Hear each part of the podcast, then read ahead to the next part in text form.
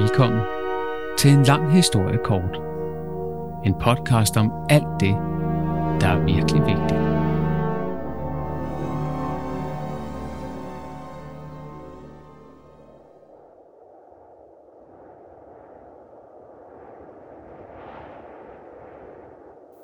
Det er koldt denne aprildag på Christianshavn.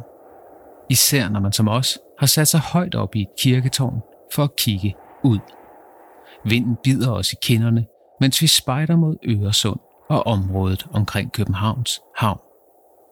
Det er et utroligt syn, der møder os derude på vandet.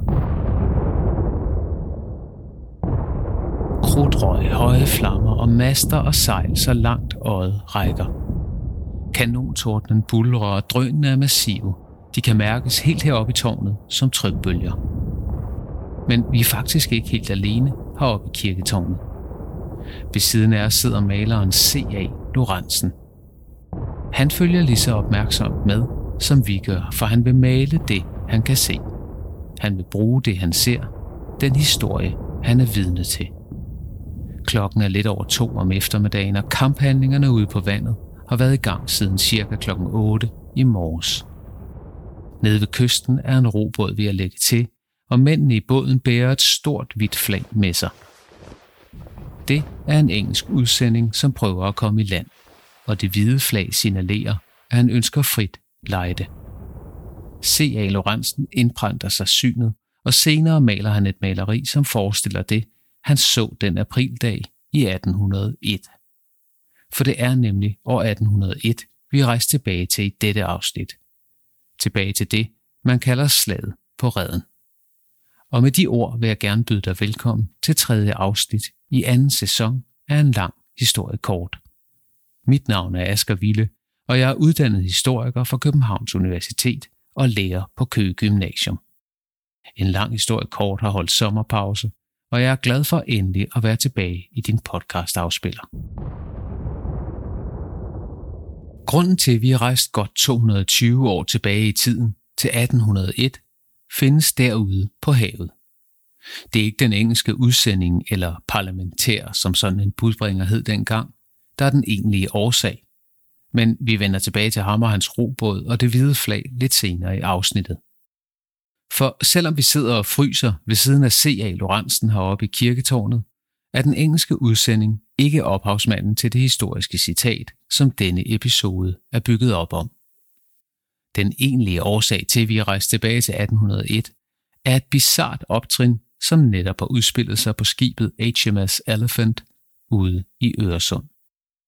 Her står en engelsk viceadmiral med klap for den ene øjenhule på dækket. Han er englænder og hedder Horatio Nelson. Eller hvis vi skal være helt præcise, viceadmiral Horatio Nelson. Nelson var en stor mand i sin samtid i England. En viceadmiral, som allerede havde vundet et søslag ved Nilen mod den franske flåde, og inden han gjorde det, havde han mistet sin ene arm og sit ene øje ved et tidligere slag. Nu står han så på sit skib ud for København, og han har netop kigget gennem sin kikkert med det øje, som han har en klap foran. En umiddelbart absurd handling, så absurd, at den har dannet grundlag for en fast vending, som vi stadig bruger i dag. Det vender vi tilbage til. Men først er vi nødt til at finde ud af, hvad der overhovedet foregår ud for Københavns Havn, eller mere præcist, ude ved Københavns Red, som man kaldte den åbne ankerplads, der ligger lidt længere ude i sundet end selve havnen. Hvorfor står flere skibe i flammer derude? Hvorfor buller kanonerne? Det gør de i første omgang, fordi Nelson, som altså står derude på sit skib, har angrebet den danske flåde. Et angreb, som de fleste danskere i dag har hørt om, måske uden at kende så meget andet til det, end selve navnet på angrebet, nemlig slaget på redden. Og i de kommende minutter skal vi prøve at undersøge, hvad slaget på redden egentlig var for noget, og hvorfor det begyndte. For hvorfor overfaldt englænderne den danske flåde en aprildag i 1801? Plejer vi ikke at være venner med englænderne, i hvert fald indtil for nylig i semifinalen i EM? Jo, venner har vi i hvert fald været siden 2. verdenskrig, men i 1800-tallets første år så det noget anderledes ud. Og for at forstå, hvorfor englænderne følte sig nødsaget til at angribe Danmark, må vi først få styr på, hvordan der i det hele taget så ud i Europa i slutningen af 1700-tallet og begyndelsen af 1800-tallet. Blot 25 år inden slaget på redden havde englænderne nemlig mistet magten over de kolonier, de selv havde anlagt på Nordamerikas østkyst. De 13 kolonier havde nemlig løsrevet sig fra England i 1776 og døbt sig selv The United States of America. Samtidig havde de både skrevet en berømt uafhængighedserklæring, that all men are created equal, that they are endowed by their Creator with certain unalienable rights, that among these are life, liberty and the... Og endda formastede sig til at tæske englænderne i den efterfølgende uafhængighedskrig. Et uventet og forsmedeligt nederlag, som ikke bekom den selvbevidste ø-nation England vel. Franskmændene havde til gengæld med glæde hjulpet amerikanerne med at slå englænderne i uafhængighedskrigen. Blandt meget andet, fordi englænderne nogle år tidligere igen havde besejret Frankrig i den såkaldte syvårskrig fra 1756 til 1763. Syvårskrigen havde været en omfattende konflikt, som endda udspillede sig på flere kontinenter. Den kaldes af nogle historikere lige frem for en verdenskrig. Med andre ord var der masser af krige og masser af konflikt mellem England og Frankrig i 1700-tallet. Og som den kendte amerikaner Benjamin Franklin nogenlunde samtidig sagde, er kun to ting sikre i denne verden. Death and taxes. Døden og skatter og krigene mellem England og Frankrig i 1700-tallets sidste halvdel leverede rigeligt af begge dele. For krig er enormt omkostningsfyldt. Der er udgifter til soldaternes lønninger, til udstyr, til mad, uniformer, våben, skibe, kanoner, befæstninger osv. Og hvem skulle betale for det? Det skulle især de franske og engelske bønder og borgere. Så skatterne blev hævet i kølvandet på syvårskrigen, og det var ikke overraskende særdeles upopulært i både Frankrig og England. De mange skatter var faktisk en af årsagerne til, at de amerikanske stater løsrev sig fra England. De ville ikke betale skatter til et land, der lå på den anden side af Atlanterhavet, og hvis de skulle betale skat til dem, ville de i det mindste også have en form for indflydelse på de love, englænderne vedtog. Det fik de ikke, og så løsrev de sig. Men det var ikke alle europæiske lande, der deltog i krigene i 1700-tallets sidste halvdel. Danmark, som dengang også inkluderede Norge, formåede at holde sig ud af alle krige efter 1721 og bevarede dermed en fredstilstand, der varede i 80 år. Og det er alligevel værd at dvæle lidt ved, så jeg siger det lige en gang til. Der var faktisk fred i Danmark i 80 år i 1700-tallet. Når man tænker på fortiden, tænker man desværre ofte hurtigt på folk, der stak metal i forskellige udformninger ind igennem hinandens kroppe, hver gang chancen bød sig. Så 80 år med fred er bemærkelsesværdigt. Det er ikke sket før eller siden i Danmarks historie. Først om fire år tangerer vi den rekord. Først om fire år, i 2025, er der gået 80 år siden 2. verdenskrig sluttede. Og det er jo endda ikke helt sandt, for Danmark har været i krig i Afghanistan og Irak i mellemtiden. Set i det lys er vi langt fra rekorden. Så 80 års fred i 1700-tallet er helt utroligt. Og det er jo endnu mere bemærkelsesværdigt, når man tænker over, at der, som vi lige har talt om, var masser af krige i samtiden, som man kunne blive trukket ind i. Men Danmark formåede at bevare sin neutralitet. Der var ganske små hændelser her og der, og Danmark havde både enkelte sammenstød ved den sydlige grænse og på havet i perioden. Men regulær krig deltog vi ikke i. Til gengæld udnyttede vi de mange krige meget fornuftigt til at handle og tjene penge. Vi var jo neutrale, og derfor ville vi gerne handle med alle parter, og det gjorde vi for fuld kraft. De danske handelsflåder sejlede med glæde med varer på kryds og tværs, og perioden kaldes lige frem den florissante handelsperiode. Florissant betyder blomstrende, så navnet er egentlig den blomstrende handelsperiode, og det var det virkelig. De danske købmænd overtog alle mulige handelsruter, som de krigsførende landes købmænd ikke kunne sejle på, og de skovlede penge ind. Og da Danmark samtidig ikke havde udgifter til krig, førte det til en kæmpe vækst. Mange andre nationer førte krig i sidste halvdel af 1700-tallet. Danmark solgte varer.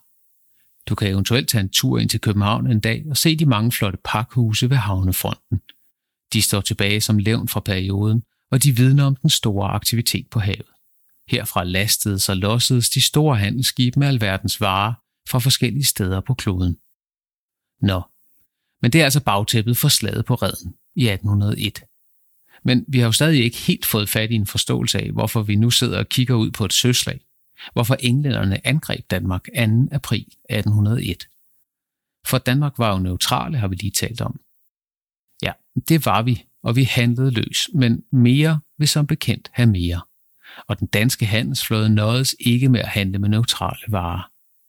Danskerne begyndte også at sejle med varer for de krigsførende nationer, og de begyndte ligefrem at modtage penge for at lade skibe, som ikke var danske, sejle under dansk flag, så de kunne udnytte den danske neutralitet. Og det måtte man ikke. For ifølge datidens konventioner var det ikke tilladt at sejle under falsk flag for at påberåbe sig neutralitet, og det var ikke tilladt at sejle med våben til dem, som førte krig. Danskerne gjorde begge dele og løb store risici på den baggrund. Et af de to største problemer ved denne risikovillige adfærd var de såkaldte kaber eller fribyttere, som de også blev kaldt. På fransk kaldte man den corsair, og på engelsk kaldte man den privateers. Den engelske betegnelse antyder, hvad en kaber eller privateer var. Det var private skibe, som af deres eget land fik lov til at deltage i krigshandlinger, og de kan med en vis rimelighed kaldes statsanerkendte sørøvere. De sejlede rundt og forsøgte at finde fjendtlige handelsskibe, som de kunne overtage. Når det lykkedes, snuppede de lasten, men de skulle til gengæld have røveriet anerkendt ved en såkaldt prisedomstol. Det var en domstol, som deres eget land oprettede, og som skulle vurdere, om de nu også havde ret til at kapre det fremmede skibs last. Kaber var altså slags statsanerkendte sørøvere med begrænsninger. Det er, når man tænker over det, en sjov blanding af lovlydighed og lovløshed. Kaberne stjal varerne fra et andet skib, men de måtte kun stjæle lasten, hvis det fremmede skib kom fra et land, man var i krig med, eller hvis det fremmede skib sejlede med varer, de ikke havde lov at sejle med. Og det var især den sidstnævnte situation, der var farlig for de danske skibe. For når danske handelsskibe tog chancen og sejlede med våben til for eksempel Frankrig, risikerede de, at engelske kabere fik fingrene i dem. Og hvis det skete, kunne de engelske kabere med god samvittighed snuppe lasten og få den anerkendt ved prisedomstolen, for de danske skibe havde jo overtrådt reglerne. Der var med andre ord en reel risiko for tab af såvel skib som last, når man foretog den slags sejladser. Og det samme gjorde sig naturligvis gældende, når man lod fremmede skibe sejle ulovligt under dansk flag. For blev det opdaget, blev de også snuppet. Og det fører samtidig til det andet af de to store problemer ved den danske handelsflådes risikable adfærd. For jo oftere man brød reglerne og blev opdaget, jo mere irriterede man de krigsførende magter. Og man irriterede især England, som havde en frygtindgydende flåde. Så Danmark stod i et regulært dilemma. På den ene side ville man gerne maksimere udbyttet af den handel, man som neutral magt kunne gennemføre, og man ville gerne maksimere den ekstra indkomst, man kunne sikre ved at sejle på grænsen af og jævnligt over det tilladte. På den anden side vidste man godt, at man kunne komme til at strække den engelske goodwill for langt. Det dilemma løste man i første omgang ved at udstyre handelskonvojerne med beskyttelse. Danske krigsskibe begyndte simpelthen at sejle sammen med de danske handelsskibe. Når en kaber kom forbi, kunne man som regel nøjes med at bulre lidt med kanonerne, og så sejlede kaberen videre, uden at skulle have noget klinket. Men, spørger du måske, hvordan kunne den danske konge og dermed den danske stat sætte sine krigsskibe til at beskytte handelsskibe, der engang imellem brød de internationale aftaler? Jo, det kunne de, fordi international politik altid udspiller sig et sted mellem aftaler og rå magt. I dag er det jo for eksempel også forbudt at likvidere fremmede statsborgere, men hvis man opfatter dem som en trussel mod sit eget land, kan man godt gøre det lidt alligevel, hvis man altså er stærk nok. Hvis man er Rusland, må man heller ikke uden videre annektere Krimhaløen, men man kan godt komme til at annektere den alligevel, hvis man ved, at ingen andre end Ukraine vil gå i krig for at forhindre det.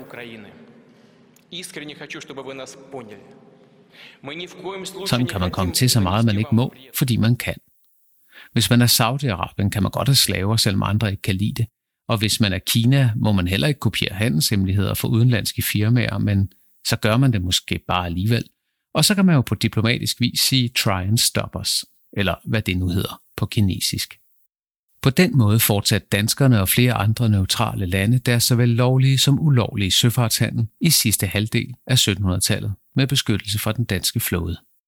Og det gik oftest ganske fint. Men alting har som bekendt en ende. Englænderne blev mere og mere utilfredse med den danske adfærd, og de begyndte at stille krav om at måtte visitere danske skibe, det vil sige komme ombord og tjekke, om lasten var lovlig eller ej og det burde jo være problemfrit, hvis man sejlede med lovlige varer. Men så simpelt var det ikke. For det første var det, som vi lige har talt om, ikke altid lovlige varer. Og for det andet var det altså også temmelig fornærmende at skulle acceptere, at en fremmed magt skulle have lov at gå ombord og sige god for den last, man sejlede med. Man var jo Danmark, en stolt søfartsnation. Man kunne ikke sådan have englændere til at godkende, hvad man sejlede med. I 1798 besluttede Frederik den 6. derfor, at man skulle afvise de krigsførende magters ønsker om at visitere handelsflådernes last. Det vil sige, at de eskorterende danske krigsskib skulle sige nej til englænderne og franskmændene og bede dem om at stille sig tilfredse med, at den danske kaptajn garanterede for indholdet af lasten og dets lovlighed. Sådan et slags øh, armar armer og halshug seriøst. Jeg lover, det er en lovlig last. Men britterne var som nævnt en regulær supermagt til søs. De vil ikke sådan uden videre acceptere den slags afvisninger og lade danskerne sejle varer og våben til for eksempel franskmændene. Og det er måske, hvis man skal være ærlig, ikke helt uforståeligt. Den slags kostede jo engelske liv. I en tid gik det nogenlunde med afvisningerne, fordi englænderne trods alt ikke ønskede en krig med den danske flåde oven i alt det andet. Men i december 1798 blev situationen faretroende ophedet. Den 24. december 1798 fyrede den danske fregat Havfruen sine kanoner af mod et britisk marinefartøj, der ville inspicere de handelsskibe, som Havfruen beskyttede. I den situation trak den engelske flåde sig tilbage, fordi de ikke vidste, om de faktisk havde lov hjemmefra til at sætte hårdt mod hårdt og skyde tilbage. Det ændrede sig i de første måneder af 1799, hvor britterne erklærede, at danskerne godt kunne glemme alt om at modsætte sig inspektion. Danskerne kontaktede derfor forsigtigt Rusland for at spørge, om de to lande ikke skulle blive bedste venner og arbejde sammen. Man håbede, at britterne ikke ville risikere en konflikt med både Danmark og Rusland. Det købte danskerne lidt tid, for englænderne forsøgte i den efterfølgende periode at overtale danskerne til at indse, at det var en dårlig idé at alliere sig med Rusland, og i mellemtiden undlod de engelske skibe at opføre sig unødigt aggressivt. Men den 25. juli 1800, altså godt syv måneder inden den aprildag, vi sidder og deler med C.A. Lorentzen i kirketårnet, gik den ikke længere. I den engelske kanal bad fire britiske fregatter om lov til at inspicere en lille konvoj på seks handelsskibe, som blev ledsaget af den danske fregat Freja. Frejas kaptajn sagde nej tak til sådan et besøg, og da englænderne alligevel satte en båd i vandet, skød Freja efter den. Så skød englænderne efter Freja, og så skød Freja efter englænderne igen. Og 30 minutter senere måtte Freja give op, og både hun og de seks handelsskibe blev sejlet ind til England. Det var en bitter pille at sluge for danskerne. Men man kan måske godt i bagklogskabens klare lys tænke, at det vel havde været smartere at sige okay til englænderne. Herregud, sådan en lille besøg og sådan en lille inspektion. Men den slags moderne vindbøjteladfærd var ikke så let at gennemføre i år 1800. Man havde den klare opfattelse, at hvis man først accepterede en fremmed nations krav om at besigtige de danske skibe, havde man lidt et nederlag og fået et reelt skud for borgen, no pun intended, når det galt den danske suverænitet. Og samtidig var russerne stadig meget interesserede i at få Danmark med i det før omtalte forbund. Russerne var ikke sådan nogen, man kunne tillade sig at være ligeglad med, når man var Danmark. For Danmark ligger jo som bekendt lige der på vejen ud fra Østersøen, og russerne kunne, ligesom englænderne, give os en meget stor afklapsning, hvis vi gjorde os upopulære. Selvom man efter bataljen med Freja forhandlede et kompromis på plads med englænderne, lykkedes det alligevel den russiske zar at lokke Danmark med i en alliance. En alliance, som officielt blot handlede om at sikre Sverige, Danmark og Ruslands neutralitet og ret til at handle frit. En aftale, som altså bare skulle sikre, at de lande, som ikke førte krig, kunne fortsætte som neutrale handelsnationer. Men i realiteten skulle alliancen også noget helt andet. Den russiske zar var nemlig meget fjendtligt indstillet over for England, og selvom danskerne godt vidste det, kunne de alligevel ikke tillade sig at sige nej til Rusland. Så der stod Danmark altså som en lus mellem to negle. Man kunne ikke vælge Rusland fra, men man kunne heller ikke tåle at provokere England yderligere. Og til sidst endte Danmark således med at tilslutte sig den russiske aftale. Den skulle som sagt sikre danskernes neutralitet, men den russiske zar ville i virkeligheden også bruge aftalen til at sikre, at England ikke længere kunne importere korn og tømmer fra de baltiske lande. Han ville simpelthen lukke den britiske import fra Østersøen ned. Og det var et stort problem for englænderne et meget stort problem, for langt størstedelen af importen af korn kom fra netop dette område. De fleste konger i Europa havde i slutningen af 1700-tallet oparbejdet en vis følsomhed, når det handlede om korn, og måske især når det handlede om priserne på brød, som i sagens natur hang sammen med prisen på korn. Som de fleste ved, stiger prisen på en vare, når udbuddet falder, mens efterspørgselen forbliver den samme. Fjernede man englændernes mulighed for at købe korn i de baltiske lande, ville prisen på det brød, som blev bagt i England, stige. Nå ja, tænker du måske, det går vel nok, men sådan tænkte den engelske konge absolut ikke. For syv år tidligere i 1793 havde den franske kong Ludvig den 16. haft et særdeles intimt og temmelig krænkende møde med en guillotine i Frankrig. Hans hoved og hans krop endte alt for langt fra hinanden i den sammenhæng, og den samme skæbne ønskede den engelske konge ikke at dele med sin franske kollega.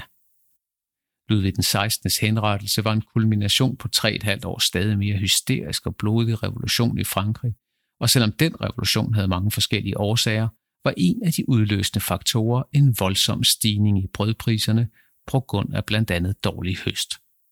Man opfattede det som kongens pligt at sikre, at folket kunne overleve, og i de værste perioder måtte langt de fleste franskmænd bruge 90% af alle deres indtægter på brød.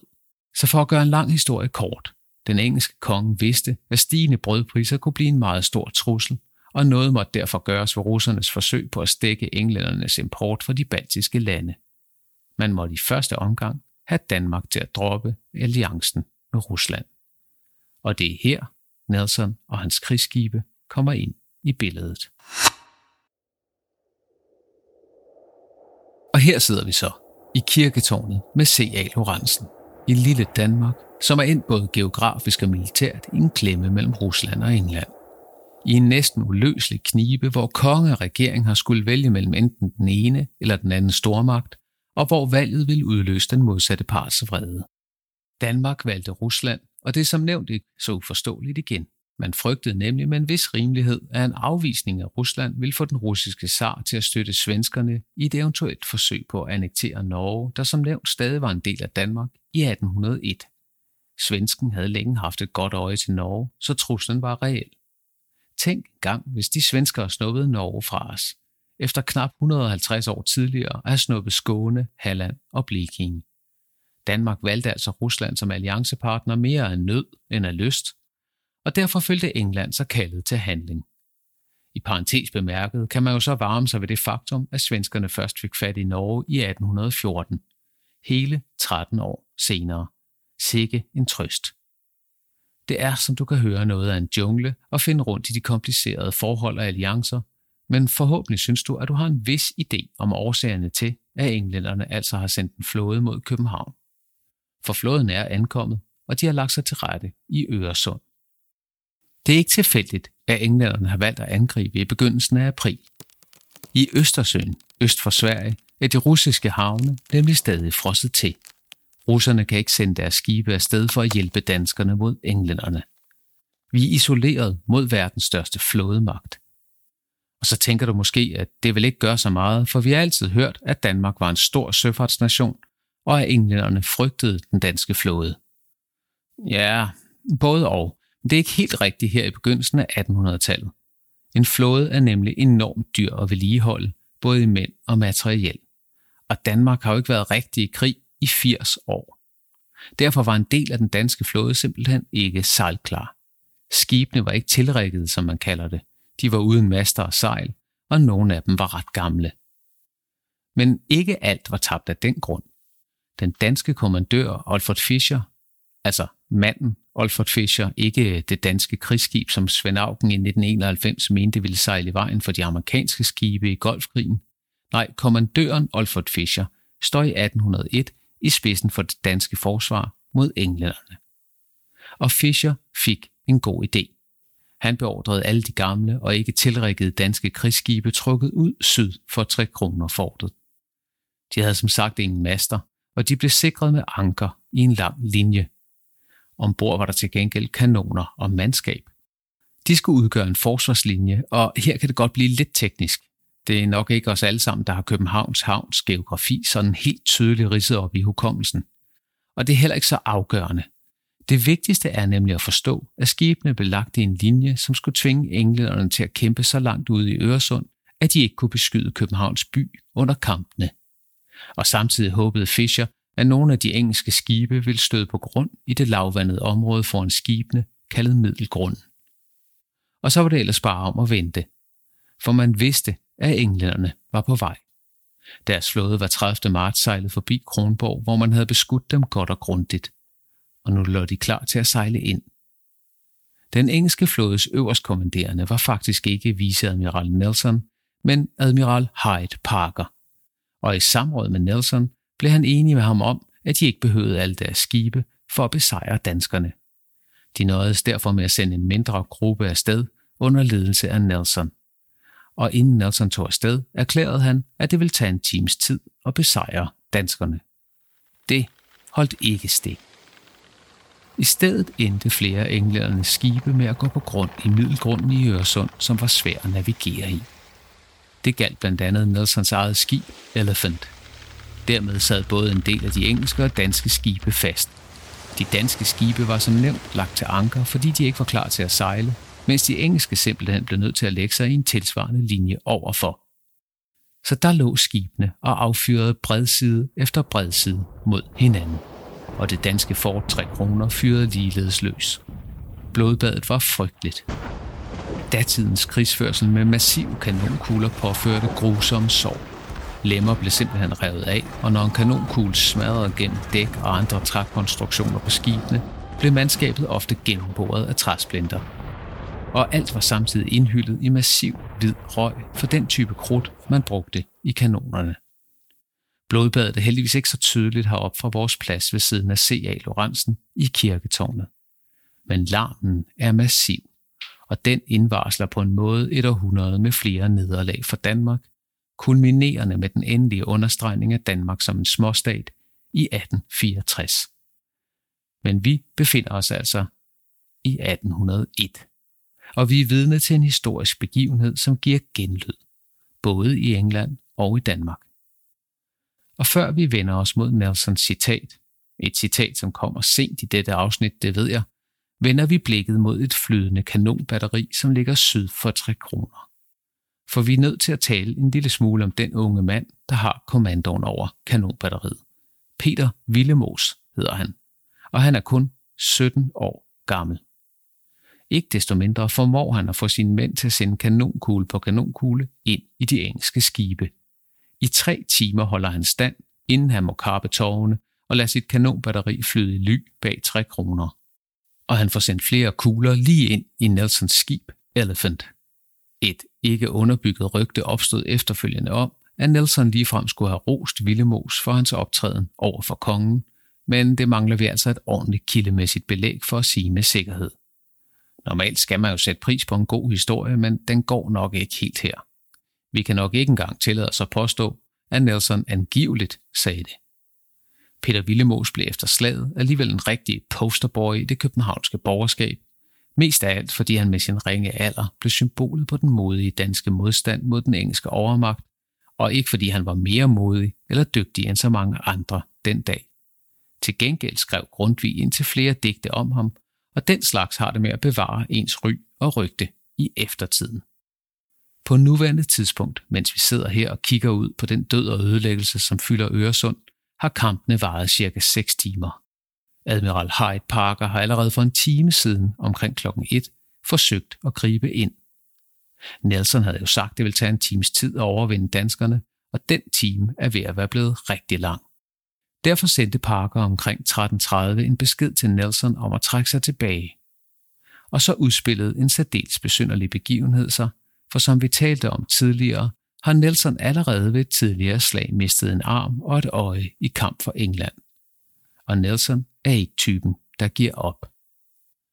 Og så tænker du måske, hvordan sendte man egentlig sådan en besked fra et skib til et andet, som Parker netop har gjort. Han kunne jo ikke sende en iMessage til Nelson. Dengang kommunikerede man i flåden i stedet med flag eller tal, som de andre kunne se i deres kikkerter og da Nelson får besked om, at Parker vil ham til at trække sig tilbage, ytrer han en række sætninger, som ikke i sig selv huskes af så mange, men som bliver grundlag for et udtryk, som man stadig bruger den dag i dag i både England og Danmark. Nelson siger henvendt til sin næstkommanderende, You know, Foley, I only have one eye. I have the right to be blind sometimes. Eller på dansk. Ved du hvad, Foley? Jeg har kun et øje. Jeg har ret til at være blind en gang imellem. Og derefter gjorde Nelson det, som var afsnittets virkelige citat.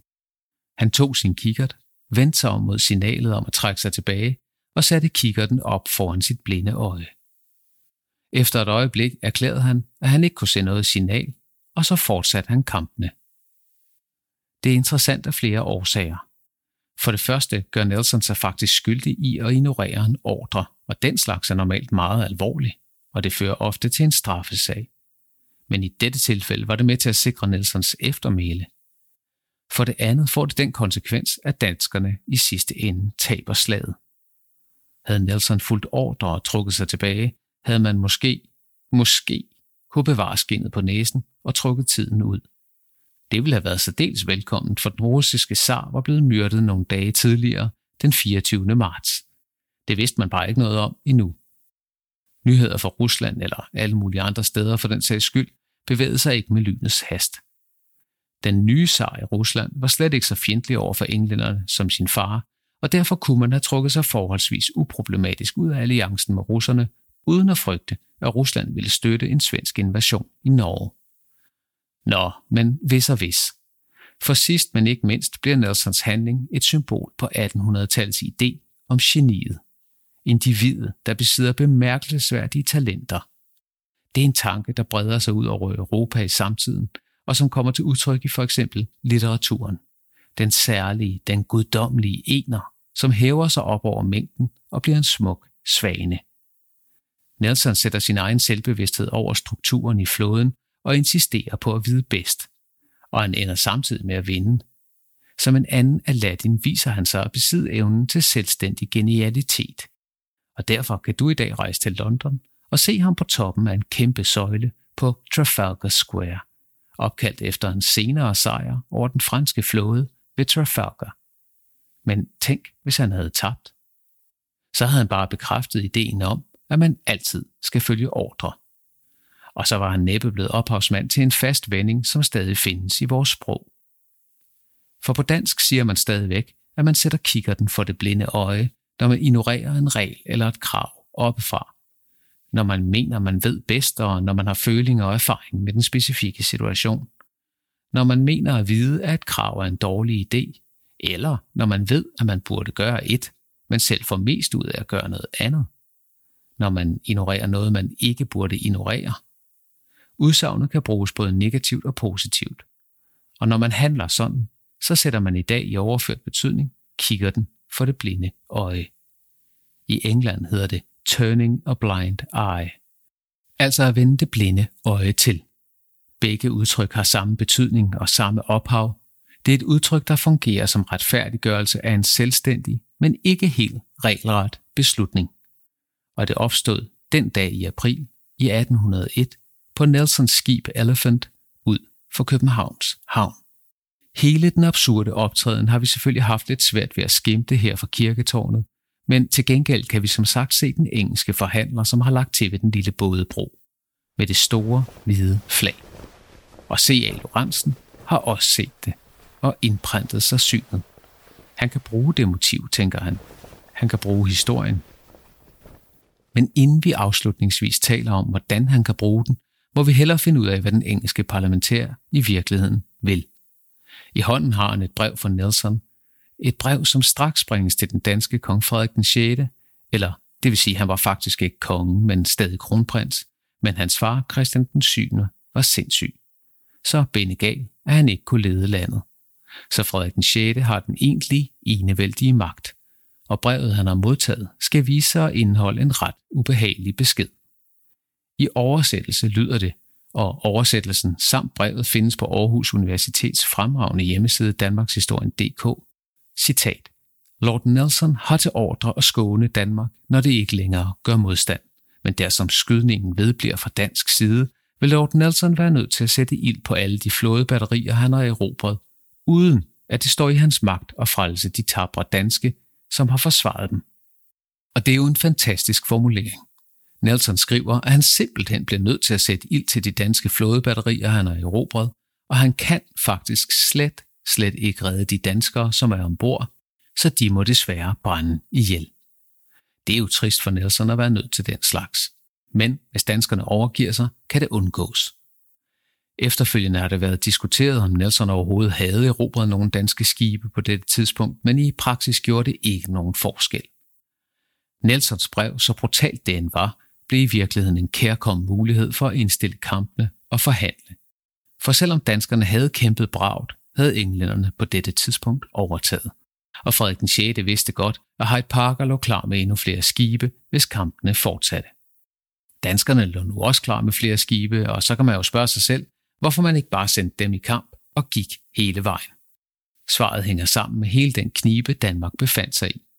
Man kunne simpelthen ikke tåle et altødelæggende slag mod englænderne, for som nævnt kunne svenskerne så kaste sig over Norge, og uden et flåde ville Danmark have svært ved at modsætte sig et svensk angreb. Lige så vigtigt var det, at Danmark grundlæggende ikke ønskede krig. Man ønskede jo at fortsætte sin neutralitet, hvis man kunne. Så med Nelsons brev fik Danmark faktisk mulighed for at lave en våbenhvile, så på en gang gjorde os i stand til at bevare dele af flåden intakt, og samtidig vise russerne, at man ikke havde lagt sig ned uden kamp mod England. Og så vender vi for sidste gang tilbage til C.A. Lorentzen, som sidder der ved siden af os. For Lorentzen malede senere et billede af den danske udsending, som går i land. Det hænger i dag på Frederiksborg Slot, og du kan se det på en lang historie Korts Facebook og Instagram-profil. I baggrunden ses den danske og engelske flåde i kamp. Røgen stiger i uigennemtrængelige skyer op mod himlen, og skibet Dannebro står i brand. Men i forgrund, næsten i billedets midte, blaffer den engelske udsendings hvide flag. Og det er ikke tilfældigt, at Lorentzen har valgt, at det hvide flag skal spille en hovedrolle i maleriets motiv. Det handler blandt andet om det, man kalder historiebrug. For i enhver form for historieskrivning, også den visuelle som et maleri kan udgøre, må formidleren udvælge nogle dele frem for andre. Man må simpelthen lægge sin vinkel et sted. Ligesom vi har lagt vinklen på de store politiske forhold i det meste af dette afsnit, og ikke for eksempel på en enkelt sømands tragiske oplevelse ombord på et af skibene. Lorentzen lægger sin vinkel der, hvor han kan fortælle sin version af slaget. En version, der understøtter en opfattelse af, at slaget på redden næsten endte uafgjort, hvis ikke ligefrem med en lille sejr til Danmark. Det var en opfattelse, som var udbredt i samtiden, og en opfattelse, man gerne ville dyrke, selvom historikere generelt er enige om, at den ikke holder. Historiebrug handler, som navnet understreger om, at man kan bruge historien på mange forskellige måder, lige fra ren underholdning i for eksempel Asterix eller Forrest Gump, over reklamer som den lille anachronistiske viking på Stryns leverpostej, til et politisk historiebrug, hvor man ønsker at fortælle historien på en måde, der understøtter en bestemt politisk verdensopfattelse. Og det er det, Lorentzen gør. Det er fortællingen om Danmark, som stod så fast og kæmpede så bragt, at selv den store engelske flåde måtte slutte fred med os. Der er ikke tale om historieforfalskning, for den engelske gesandt lagde virkelig til med et hvidt flag. Men der er tale om, at Lorentzen udvælger et bestemt motiv, som understøtter den fortælling, han gerne vil efterlade tilskuerne med. Det er ikke suspekt eller tageligt, sådan gør man, når man fortæller om fortiden, men nogen gør det mere bevidst og tydeligt end andre. Men det kan ikke undgås. Skulle du i øvrigt i løbet af dette afsnit have fået smag for fortællingen om Danmark som en søfartsnation, kan jeg anbefale Claus Frederiksen og Jesper Fischers bog Blå Danmarks Historier, som for nylig udkom på forlaget Columbus. Der er søfart for alle pengene i den bog. Men nu skal vi til at forlade Lorentzen og de 790 danskere og 250 englændere, der mistede deres liv den dag ved redden. Efterfølgende nåede nyheden om, at den russiske zar var død frem til Danmark. Og Danmark formåede forholdsvis uproblematisk at træde ud af neutralitetsforbundet med Rusland. Desværre bullerede kanonerne videre i Europa i de kommende år, og Danmark valgte den forkerte side i konflikten, da Napoleon forsøgte at underlægge sig det europæiske kontinent. Men det er en anden historie, som vi må vente med at høre om. I næste afsnit rejser vi frem til det 20. århundrede, til himlene over Sydengland og Nordfrankrig, hvor et højspændt drama udspillede sig i efteråret 1940. Til en tid, hvor de mange endte med at skylde de få så meget. Tusind tak, fordi du lyttede med, og jeg håber, du lover, at du ikke sætter kikkerten for det blinde øje, når næste afsnit udkommer.